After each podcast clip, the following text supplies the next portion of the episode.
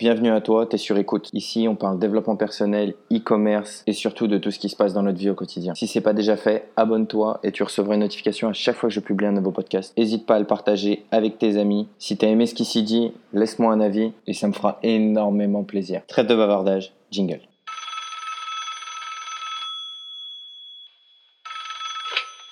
Allô, c'est toi? Quitte pas, t'es sur écoute. Maybe you should pull the fucking trigger.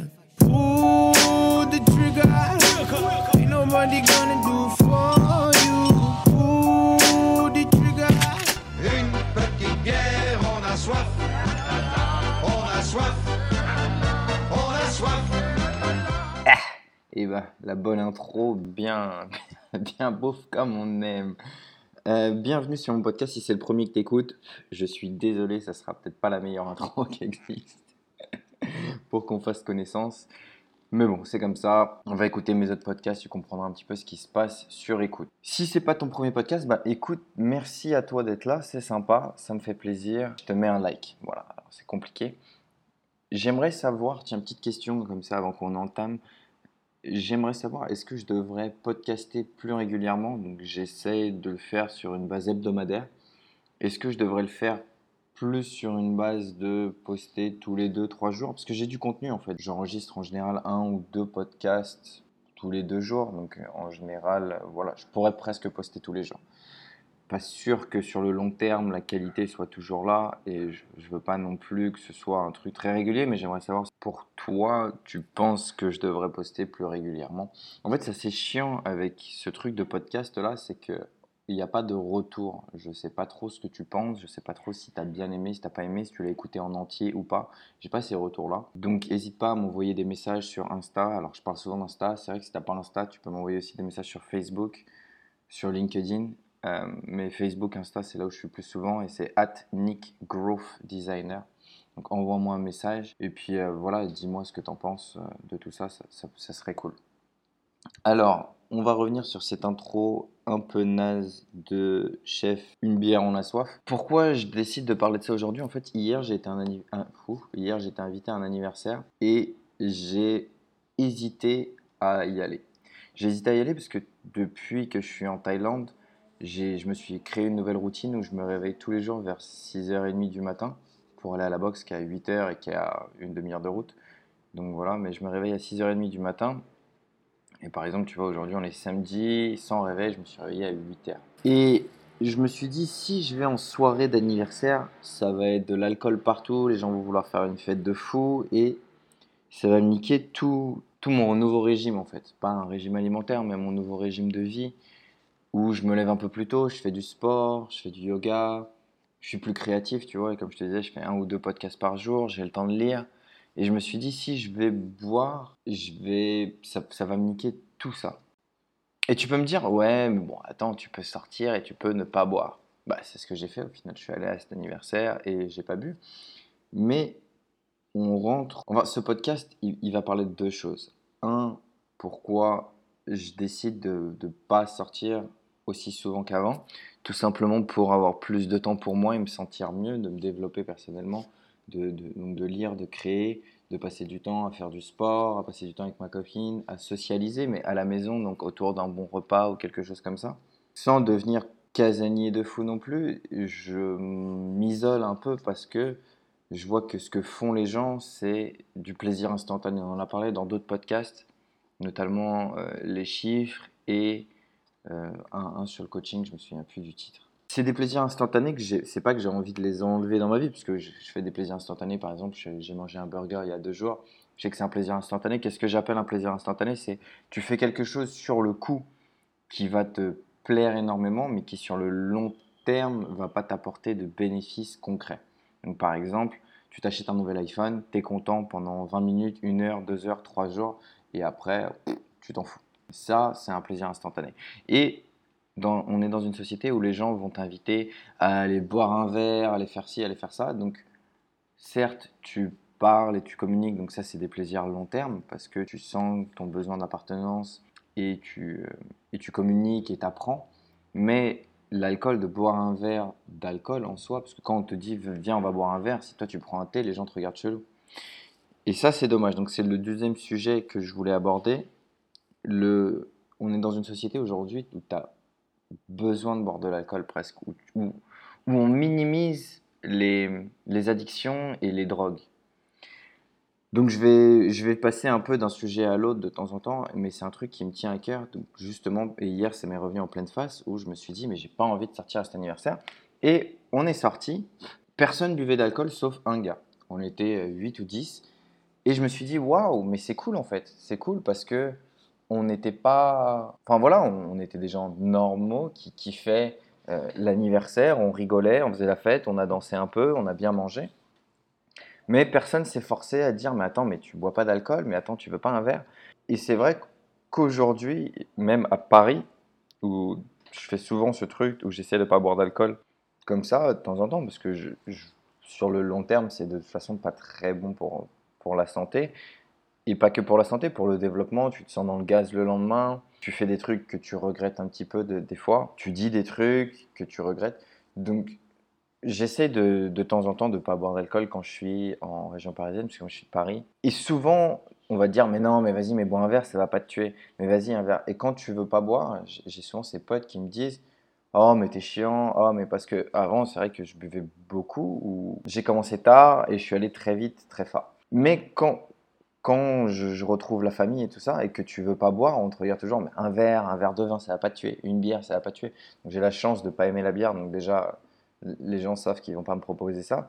Mais quand je bois un Perrier, on me dit, oh, mais c'est chiant avec toi, de toute façon, tu bois pas d'alcool, tu bois pas ci, tu bois pas ça. Et je pense que même moi, je l'ai été un petit peu comme ça, où euh, je forçais un peu les gens de mon entourage à dire mais vas-y euh, ça va pas te tuer et, et je vois il y a aussi le, le truc de vas-y fume une clope ou vas-y viens on va fumer et on est obligé de, de s'entraîner où on est dans un vice et on entraîne les gens autour de nous. On dit vas-y viens boire un verre. Et ou vas-y viens on va fumer une clope. Ou vas-y viens on va, on va bouffer un truc sale. Enfin tu vois on s'attire plus dans des phases mauvaises. Et par contre quand on fait un truc bon comme aller au sport ou euh, lire un bouquin ou faire du yoga très rarement, il y a tes potes qui viennent te dire, sauf quand vous êtes tous yogis, mais tu vois, je sais pas, euh, moi par exemple, je bois de l'alcool, donc j'en bois pas d'alcool, mais bon, disons que je veux boire de l'alcool, je vais dire, vas-y, à quelqu'un qui boit pas nécessairement d'alcool, vas-y, viens, on va boire un verre.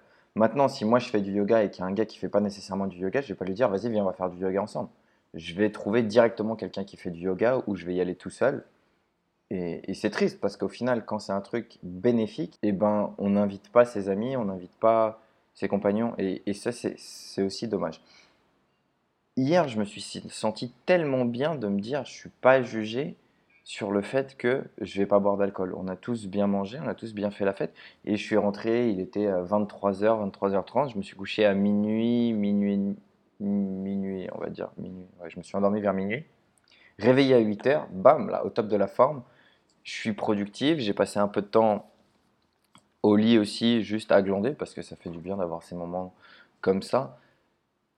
Mais voilà, et je me, je me sens bien et je me suis pas senti mal de j'ai bu 3 tonnes d'alcool, je suis resté jusqu'à 5 heures du matin réveillé, et le lendemain, je me dis merde. Et je vois, là, ça fait euh, un mois depuis que je suis en Thaïlande, un mois, un mois et demi que je j'ai pas bu une goutte d'alcool, et ça me manque pas. Ça me manque pas, mais je sais que quand, tu, quand je rentre à Paris ou que je rentre dans certains trucs, je me fais juger juger pour le fait de pas boire d'alcool, de pas vouloir faire ci, de pas vouloir sortir tard parce que je veux me lever tôt le matin pour faire euh, mon sport, par exemple. Si je veux aller euh, à la boxe, bah, il faut que je sois réveillé vers 6h30, 7h si je veux pouvoir faire mes étirements et aller à la boxe et pas être en retard. Donc si je veux me réveiller vers 6h30, c'est sûr que quand les gens vont me dire vas-y viens on va en soirée, bah, je vais pas pouvoir. Et j'ai l'impression que c'est moi qui devrais me sentir mal alors que c'est c'est pas du tout ça. Pourquoi je devrais me sentir mal de faire des trucs qui sont bons pour moi et bons pour la santé et que j'ai envie de te dire à toi de faire? Pourquoi c'est à moi de me sentir mal? Et je pense qu'on est dans une société vraiment qui, qui te dit que faire le mal c'est bien, ou tu vois, d'aller dans le vice, de boire de l'alcool, de fumer.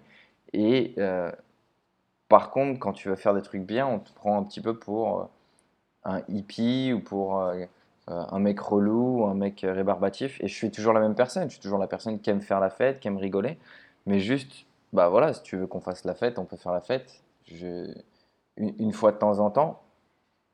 Mais dans, dans la limite du, pas, pas dans la limite du raisonnable, mais enfin, je sais pas comment, je sais pas comment expliquer ça. C'est un peu, c'est un peu confus ce, podcast, mais comme je t'ai dit, c'est, le concept, c'est qu'on est sur écoute et, et on se parle comme ça, toi et moi, et, et on dit ce qu'on pense. Mais vraiment, ça, me chiffonne de voir que je me suis senti mal et j'ai failli pas sortir et rencontrer tous ces gens incroyables parce que je me suis dit, on va me forcer à boire de l'alcool, on va, on va me juger et tu vas vite être isolé parce que, bah, on te dit, bois un verre. Et, moi, pourquoi j'ai ces blocages aussi? Parce que j'avais j'ai eu un beau-père alcoolique qui s'est euh, ruiné à cause de l'alcool, il s'est suicidé. Et pendant des années, c'était un mec super et tout ça, et l'alcool l'a petit à petit détruit, l'a usé, il manipulait beaucoup ma mère et moi, ce qui a fait que ça a créé des, des tensions entre ma mère et moi. Tout ça à cause de l'alcool, et il est allé en cure de désintoxication une fois, deux fois, trois fois. Non, deux fois, pardon. Troisième fois, je sais pas, on n'était plus avec. Donc euh, voilà. Mais c'est très dur de te battre contre l'alcool parce que personne n'estime que c'est une drogue. Et je sais pas si toi, tu, te sens soit dans, dans ma perspective où t'as pas spécialement envie de boire de l'alcool et et t'es pas tenté, mais tout le monde te pousse, ou si tu es dans l'autre perspective de mon beau-père qui malheureusement, lui, n'a pas pu s'en sortir, où tu vois que toi, t'aimerais arrêter de boire, mais tout le monde autour de toi te dit vas-y bois un verre.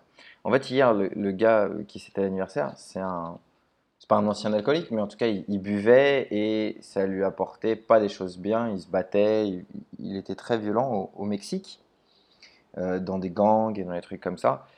Et il s'est dit, le fait que je boive m'amène cette personnalité et je suis pas fier de cette personnalité parce que bah, ça m'a fait que j'ai rompu avec ma copine, je suis banni des États-Unis. euh, et c'est un engrenage qui, qui, est mauvais. Et quand on est sorti hier, tu vois, il y a quand même deux, trois personnes qui lui disaient, mais vas-y, mais bois un verre, bois un shot. Et il était obligé de se justifier. Non, ça fait, ça fait un an et demi, ça fait 18 mois que j'ai pas bu et j'ai pas envie de retourner là-dedans pour que les gens disent, ah ok, bon, on va te laisser tranquille alors. Mais sinon, enfin, tu vois, il y a tout le monde qui disait, bah, vas-y, mais bois un shot, mais vas-y, vas-y, bois un verre, c'est ton anniversaire. Ah, pardon, c'est le nouvel an chinois, t'as dû entendre les pétards. Mais en gros, voilà, c'était son anniversaire et donc il se devait de boire. Donc on a bu un shot de gingembre, ça a arraché, mais pas d'alcool, juste du gingembre pur en shot comme ça, boum. Mais vu que là, je suis en Thaïlande et c'était que des gens qui faisaient du crossfit, du muay thai, du yoga et tout ça, on était un petit peu dans un esprit de pas boire. Mais quand tu arrives dans une société normale, entre guillemets, j'ai fait le signe des guillemets avec mes mains, c'est marrant, tu m'as pas vu, mais je fais signe. Et quand tu rentres dans cette société, quand je rentre à Paris voir ma famille ou mes amis ou tout ça, on va te dire, vas-y, vas-y, viens, viens, on va boire un verre, ça fait longtemps qu'on s'est pas vu, et je vais prendre une eau pétillante ou, euh, je sais pas, un jus de fruits ou quelque chose comme ça. Et on va me dire, euh, ah ouais, mais tu veux pas boire? Ah, ou un thé, j'aime bien le thé maintenant. Aussi, peut-être parce que je me fais vieux et que j'ai 32 ans et que maintenant je suis dans le développement personnel. Mais pas que. Enfin, je vois, il y a plein de gens, euh, 35 ans, ils sont toujours là, pumped up, à, à se faire des pina coladas sur la plage et tout ça. Et j'aime faire ça de temps en temps. Boire une pina colada, ça va pas me tuer. Et boire un mojito, un truc. Mais je le savoure parce que je vais pas en prendre 20. Et je vois que même si je le savoure, il y a quand même un truc qui me dit dans mon corps, c'est pas spécialement bon ce que tu bois. Euh, un verre de vin, peut-être que c'est mieux, tu accompagnes la nourriture et tout ça. Bref, c'est pas le goût de l'alcool qui dont, je veux parler, c'est vraiment le fait que, un, je me sens coupable, je me suis senti coupable de pas boire d'alcool, et je me suis senti rassuré quand j'étais avec plein de gens qui ne buvaient pas d'alcool. Je trouve aussi qu'on banalise le fait que de l'alcool, c'est de la drogue, que le tabac, c'est de la drogue. Et c'est pas normal, c'est pas normal parce que moi, ça a tué mon beau-père. Ça a tué mon beau-père, ça a pas ruiné mon enfance, mais ça l'a pas facilité. Je me suis fait, comme je disais, je me suis fait battre. Euh, il m'a menacé, il, m'a- il a failli me poignarder. Enfin, c'était pas, c'était pas facile et c'était avec l'alcool. Et, je me souviens d'une histoire quand il était en, cure de désintoxication. Il racontait l'histoire d'une mamie qui avait fait une cure, euh, cure sur cure. C'est bruyant aujourd'hui. On avait fait cure, elle avait fait cure sur cure et en fait quand tu t'arrêtes de boire de l'alcool, il faut jamais reprendre même pas une goutte. Quand tu es alcoolique, tu même pas le droit de, de respirer. On te conseille même de plus mettre de parfum parce qu'il y a de l'alcool dedans. De- d'enlever tous ces trucs. Et l'alcool, c'est partout dans, dans nos sociétés. Et donc, cette mamie, elle buvait régulièrement jusqu'à ce qu'elle arrive à euh, une sobriété parfaite. Et en fait, ce qu'elle faisait, c'est que au mariage, quand tu vas dans des, tu vois, quand tu vas dans des, dans des mariages ou des fêtes euh, ou des anniversaires, on te propose toujours, toujours, toujours, toujours des verres. Il y a toujours quelqu'un qui va te dire, mais vas-y, bon, hein, tu veux, un verre de vin ou tu veux un champagne ou tu veux un whisky ou tu veux un pastis. Il y a toujours quelqu'un qui va te proposer. Et quand tu dis non, non, non, non, les gens te regardent bizarrement. Si tu dis je suis alcoolique, c'est oh non, t'es alcoolique toi Ah non, moi je peux boire 5 verres par semaine, mais je peux arrêter quand je veux. Juste, je le bois toutes les semaines, tous les jours. euh, voilà. Mais les gens ne se rendent pas compte de ce que c'est que l'alcoolisme déjà. Bref, toujours est-il que cette femme, elle avait trouvé la, la technique, c'est qu'elle avait sa petite briquette de. Briquette, même pas un mot ça. Elle avait sa brique de euh, jus de raisin. Et ce qu'elle faisait, c'est qu'à chaque fois qu'elle allait au- dans des mariages ou des trucs comme ça, elle la mettait dans son sac et quand son verre, euh, enfin, elle, elle faisait en sorte que son verre soit toujours plein, comme ça elle pouvait trinquer et tout, et ça avait la couleur d'un vin rouge ou d'un vin blanc. Sauf qu'un jour, elle a fini son verre et elle est partie danser, elle n'a pas pensé à recharger avec sa brique. Quelqu'un lui a mis du vin dans son verre, elle a bu juste une gorgée, après elle s'est dit Ah, bon écoute, ça fait 40 ans que j'ai pas bu d'alcool, j'exagère un peu, je me souviens plus trop de l'histoire, mais ça faisait des années comme ça, 40 ans, 20 ans, peu importe, qu'elle avait arrêté de boire. Et elle s'est dit, bah, je peux bien m'accorder un verre avec autant d'années. Sauf que dans, dans cet état d'esprit, si tu dis, je peux m'en accorder un, bah, tu pourras dire dans deux semaines, je peux m'en accorder un autre, parce que j'ai encore tenu deux semaines. Puis après, ça deviendra une semaine. Puis après, ça deviendra deux jours. Et après, ça deviendra deux heures. Et après, bah, t'en sors plus. Et malheureusement, bah, elle, l'a pas, elle a essayé de retourner en cure et elle s'est jamais euh, remise sur pied et, elle en est décédée. Tout ça à cause d'un verre de vin parce que quelqu'un l'a resservi sans lui demander sa permission, parce que quelqu'un n'a pas respecté le fait qu'elle ne voulait pas boire d'alcool. Et je sais pas dans quel état d'esprit t'es toi, je sais pas si tu es dans l'état d'esprit comme moi où tu peux te sentir gêné de pas vouloir boire d'alcool et donc du coup, temps en temps, tu dis bon ok, je vais prendre un cocktail. Mais tu devrais pas te sentir gêné, tu devrais au contraire dire aux autres, écoute, toi tu as le droit de boire, moi j'ai le droit de pas boire. Et voilà, on, est, on, reste amis, on a la même conversation pour autant. Et si, t'en bois, si tu bois 5 verres ou 10 verres ou 20 verres, et que moi je bois 10 verres ou 20 verres de thé, bah, la conversation va devenir moins intéressante de ton côté. Et, et finalement, tu n'es peut-être plus quelqu'un avec qui j'ai envie de, de boire autant de verres. Et donc, désolé, mais j'ai pas envie qu'on passe autant de temps ensemble. Et tu devrais même pas être désolé, tu devrais juste vouloir le meilleur pour toi. Et le meilleur pour toi, c'est peu importe ce que tu décides, de couper des amitiés, de couper certains aliments. Alors, je suis pas vegan, je suis même pas végétarien, mais c'est vrai que ça m'intéresse. Le problème, c'est que les vegans ont une tendance à être racistes des gens qui mangent de la viande. Et ils sont vraiment dans un extrême. euh, tu, rencontres jamais vraiment, ou j'ai jamais rencontré un vegan totalement sympathique qui va pas te juger sur ta façon d'être. Et c'est dommage en fait parce que ces idiots, ils, décrédibilisent le mouvement qui est intéressant en soi. C'est pas parce que tu es vegan ou que tu es végétarien ou que tu bois pas d'alcool ou que tu fais du yoga ou que tu fais de la boxe ou ça que tu dois juger quelqu'un d'autre parce qu'il en fait pas. Comme pendant un temps je faisais du dropshipping et je jugeais un petit peu tous les gens qui travaillaient et qui gagnaient une misère parce que moi je, je gagnais 10 000 euros par mois de mon, de canapé en bossant 5 heures par semaine. Et c'est triste de- de- d'en d'en- d'en venir là. Il y a des gens qui veulent travailler, il y a des gens qui peuvent pas être leur propre patron, qui ne veulent pas être leur propre patron. Il y a des gens qui ont besoin de travailler dans un environnement. Et je peux comprendre. Euh, Il n'y a pas que le dropshipping, il n'y a pas que euh, la boxe, il n'y a pas que ci, il n'y a pas que ça. Toujours est-il, l'alcool aujourd'hui, c'est normal dans notre société. C'est considéré comme quelque chose de banal. Encore une fois, et je vais terminer là-dessus, je ne sais pas où tu te situes. Si tu es plus quelqu'un comme moi maintenant qui tente d'arrêter l'alcool, enfin c'est pas que je tente d'arrêter l'alcool, je l'ai totalement arrêté, je sais que de temps en temps je veux boire, mais c'est juste je me sens gêné de, à chaque fois que j'arrive à un anniversaire, à un mariage ou peu importe et que je dise non non je, je bois pas, on me dise ah t'es musulman, ah t'es juif, ah t'as un problème avec l'alcool, t'es malade, qu'est-ce qui se passe? Et qu'on te dise mais vas-y un verre ça va pas tuer mais vas-y et il y, a- ce, ce stigma ou que tu sois dans l'autre optique où tu essaies de t'en sortir et que tu te sentes oppressé par les gens parce que on te force à boire ou tu es dans un environnement où tous les gens autour de toi boivent et tu te dises c'est cool de boire et voilà. Alors je sais pas où t'en es mais juste aie cette réflexion de qu'est-ce que ça t'apporte l'alcool? Qu'est-ce que ça t'apporte l'alcool? Qu'est-ce que ça t'apporte la viande? Qu'est-ce que ça t'apporte les légumes? Qu'est-ce que ça t'apporte le sport, la méditation, le yoga. Moi, j'ai vite compris que l'alcool ne m'apportait rien hormis un tissu social, un lien social. Et ce tissu social, ce lien social, maintenant, je le retrouve dans des conversations que j'ai autour de livres, dans des conversations que j'ai autour de la boxe, dans des conversations que j'ai autour de toutes les activités que je fais. Mais avant, ce tissu social, c'était l'alcool, et l'alcool m'empêchait de faire d'autres activités. Si tu veux un tissu social, pourquoi ce serait l'alcool? Je te dis pas d'arrêter totalement. Encore une fois, ça fait que un mois et demi que je n'ai pas touché de l'alcool, et je sais que si je vais manger en famille avec ma mère ou avec, euh, je vais un anniversaire, un truc comme ça, je vais prendre un verre de vin, je vais prendre du floc, je vais prendre, euh, voilà, là j'ai mangé des crêpes par exemple, dans les crêpes il y avait du rhum, ça me dérange pas en soi mais je le fais consciencieusement. Je sais en toute conscience ce que ça va m'apporter ou ce que ça va m'enlever si je fais un truc ou un autre. Et c'est vraiment la discussion que je voulais avoir avec toi. Je sais que j'ai parlé beaucoup pour rien dire dans ce podcast, mais s'il y a deux trucs que tu dois retenir, c'est un, l'alcool, ça reste une drogue et, et ça tue des gens au quotidien. Ça tue des gens dans des accidents de voiture, ça tue des gens de, de, merde, de crise de foi, ça tue des gens de juste de conneries parce qu'ils ont bu, ils vont dans un combat, ils vont, ils vont se battre avec quelqu'un et ils font, euh, ils sont poignardés. Enfin, j'ai vu plein de trucs comme ça. Et l'alcool, c'est une drogue. Et c'est pas quelque chose de banal. Donc je sais qu'il y a des cousins ou des cousines à moi qui sont jeunes aujourd'hui et qui écoutent mon podcast. D'ailleurs, merci.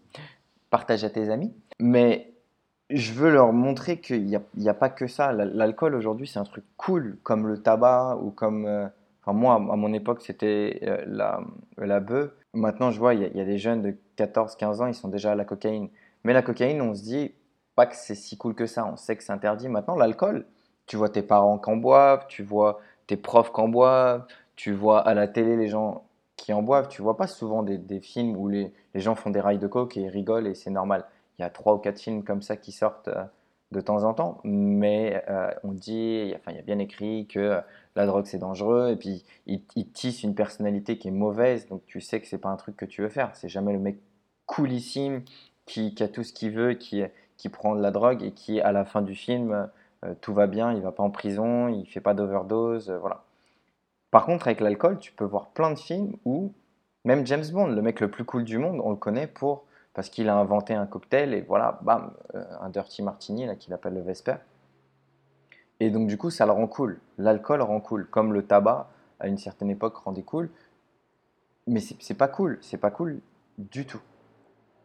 Et si tu bois pas d'alcool parce que tu as fait un choix de vie ou que tu as besoin physiquement d'avoir arrêté l'alcool, te sens pas gêné, te sens pas comme quelqu'un qui doit se cacher. Au contraire, c'est une fierté, c'est une fierté de dire non, moi je bois pas l'alcool parce que j'en vois pas l'intérêt. On va dire bah c'est cool, ouais c'est cool, mais c'est aussi cool de faire autre chose, de faire ci, de faire ça, et tu t'enchaînes.